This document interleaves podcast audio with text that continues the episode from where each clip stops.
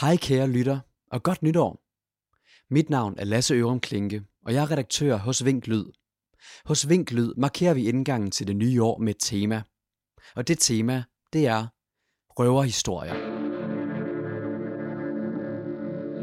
Over de næste seks uger vil vi hver søndag fortælle en røverhistorie fra Københavns store skattekiste af fortællinger. Og vi kommer vidt omkring, det kan jeg godt love. Det hele det kulminerer med en stor radiobiograf den 6. februar, hvor det vil glæde os at se dig. Den skal vi nok fortælle meget mere om senere. Men nu til dagens podcast. Den første røverhistorie. Og i den her uge skal vi med Angelika Petersen en tur ned i kælderen i en gammel, gammel bygning på Christianshavn. Rigtig god fornøjelse.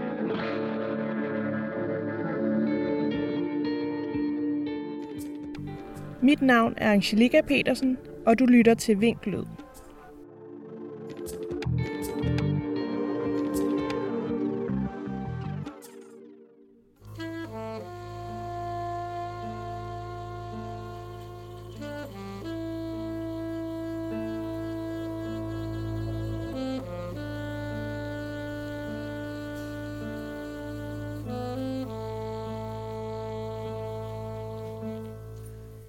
Velkommen til, kære lytter.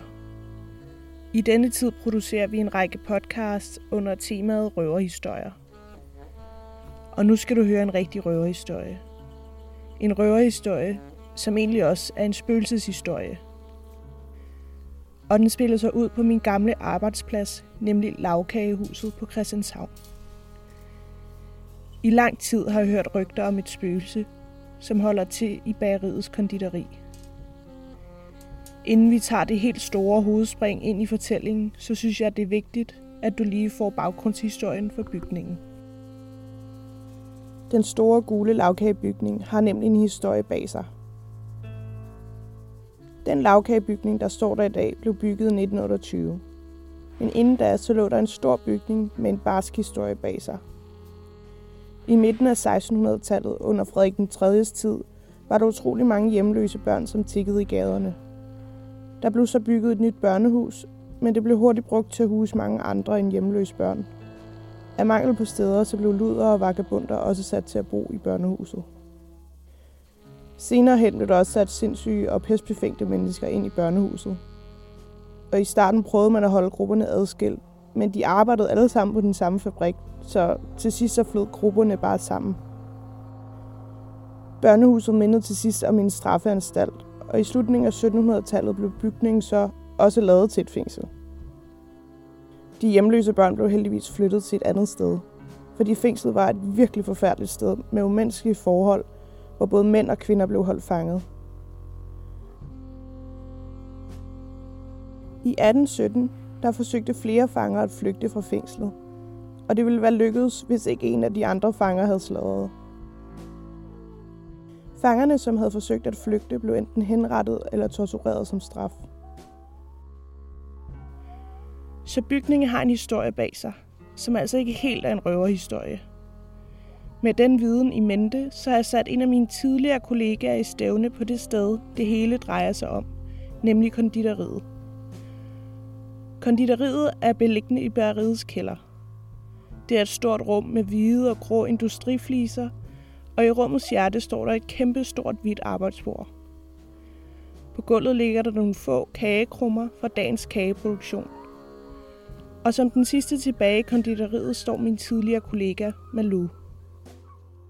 Hun har en smule mel på t-shirten og er ved at færdiggøre det sidste af dagens arbejde. Malou og jeg begynder at tale om de mystiske ting, der er foregået i konditoriet. Kan du ikke bare starte med at fortælle, hvad det er, I har oplevet øh, af mærkelige ting her i konditoriet? Jamen, vi har oplevet mange mærkelige ting, som er lyset tænder og slukker, og musikken tænder og slukker, og spiller mærkelige sange nogle gange, som ikke er på playlisten, og vi har blevet, at papir falder ned, og vi, vores, øh, vi har sådan nogle bagepapirer, de falder nogle gange ned, når de ikke burde, og ja, så er der bare, du ved, man kan mærke nogle gange, der er nogen her, der kigger. Mm. Der Okay, så der sker underlige ting. Men hey, der sker underlige ting hver dag. Men det betyder jo ikke, at det nødvendigvis er et spøgelse. Det kan være mange andre ting måske. Gennemtræk. Jeg stikker lidt til Malou.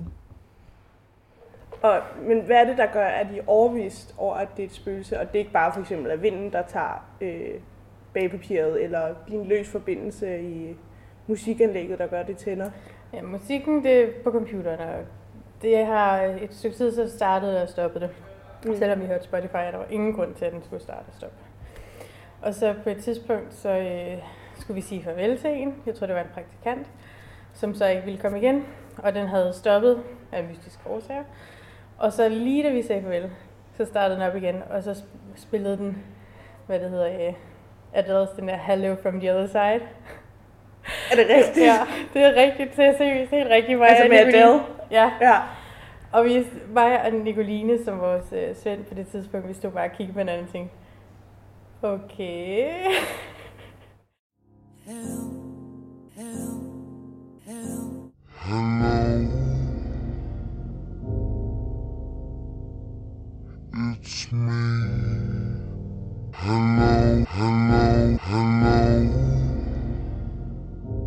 Og så er det bare, du ved, når vi er her sent, så kan man virkelig mærke nogle gange, så er det sådan lidt creepy at være her.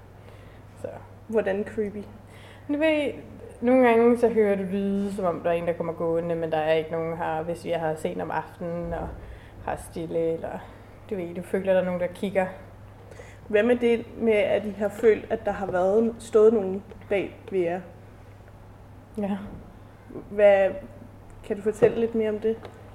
Øh, ja, men det er jo bare det der med, nogle gange så kender du den fornemmelse, at der er en, der ånder dig i nakken, eller en, der står og kigger meget intens på dig. Mm. Den fornemmelse, den Ja. kan man godt have en gang imellem.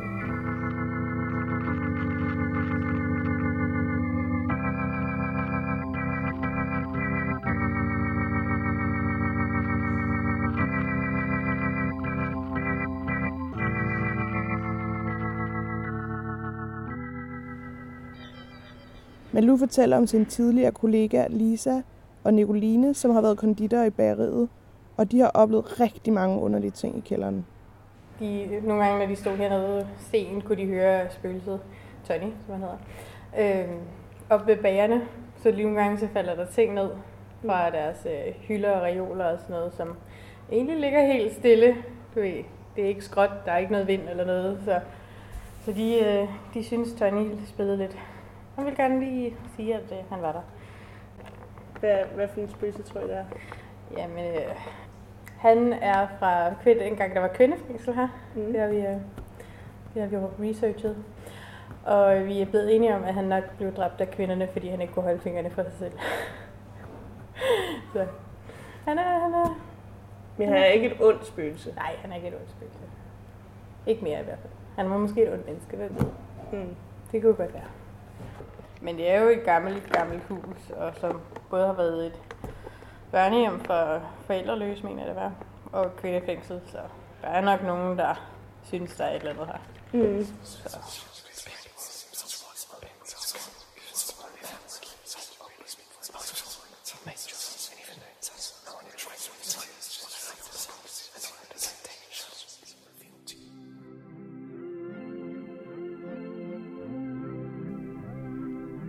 Okay, det er altså ikke et ægte spøgelse, man kan høre her. Men det er bare lige for at give jer spøgelsesfornemmelsen. Men lad nu være med at få kaffen galt i halsen, hvis du hører underlige lyde ved lavkagebygningen. Det er bare Tony. Men man skal ikke være bange for at besøge Ikke for, ikke for at komme i lavkøbelse. Ikke for Tony, tog. han holder sig nede i kælderen. Ja, okay. Han var ikke ovenpå, da vi var der i hvert fald. okay. Han holder sig nede i kælderen. Det er meget sjovt, at han holder til hernede. Ja. Men hvad ved, hvad der foregår i kælderen? Selvom jeg mange gange selv har bevæget mig rundt i konditoriet alene og i mørke og med en stødt stigende puls, så har jeg endnu ikke selv mødt konditor Tony. Røverhistorie eller ej, hvis du nu skulle møde Tony i lavkagehuset, så har han indtil nu ikke gjort andet end at smide papir på gulvet og leget med Spotifys playlister. Så bare rolig, kære lytter. Du kan uden problemer tage ned og snose en masse jordbærkage i lavkagehuset.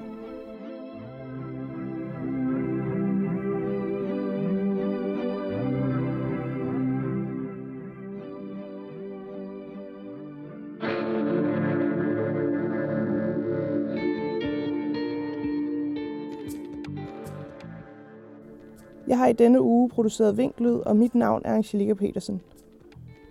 Du kan høre flere af vores spændende episoder på vores hjemmeside, vinkkph.dk, eller ved at søge på Vinklyd i iTunes. Tak fordi du lyttede med.